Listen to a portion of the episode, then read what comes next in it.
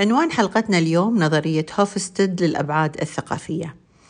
لم يعد تعبير العالم قرية واحدة يعكس سرعة وسهولة تعامل العالم مع بعضه البعض.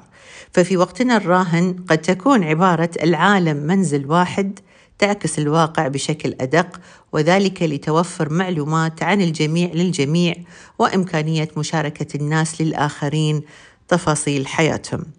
كانت المرحلة الأولى لتلاشي المسافات العالمية على مستوى الدول وذلك بفضل وسائل الاتصال والتحالفات الدولية.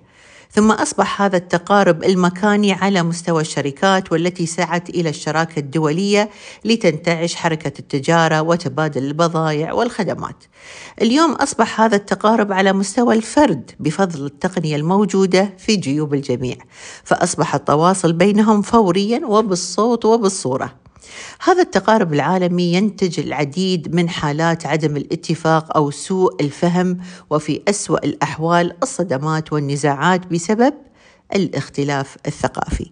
فلكل مرجعيته الثقافية التي قد تسيء تفسير تصرفات الطرف الآخر وتفسيرها على غير حقيقتها. لذلك كانت الحاجة إلى وجود نظرية تفسر هذه الاختلافات حتى تساعد الأشخاص مختلفي الثقافات من فهم بعضهم البعض وتوقع ردود الأفعال.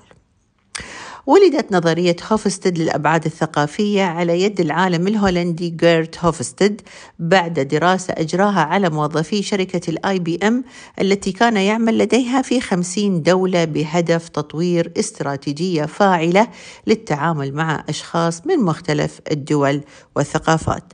وقد استنتج من دراسته بأنه يمكن قياس الاختلافات الثقافية بين الدول من خلال خمسة أبعاد وضع مؤشرات لقياسها وهي مؤشر مسافة السلطة الثانيها الفردية مقابل الجماعية ثالثها التوجه الذكوري مقابل التوجه الأنثوي رابعها مؤشر تجنب الغموض وخامسها التوجه طويل المدى مقابل التوجه قصير المدى وآخرها الاسترسال مقابل ضبط الذات. وسلامتكم.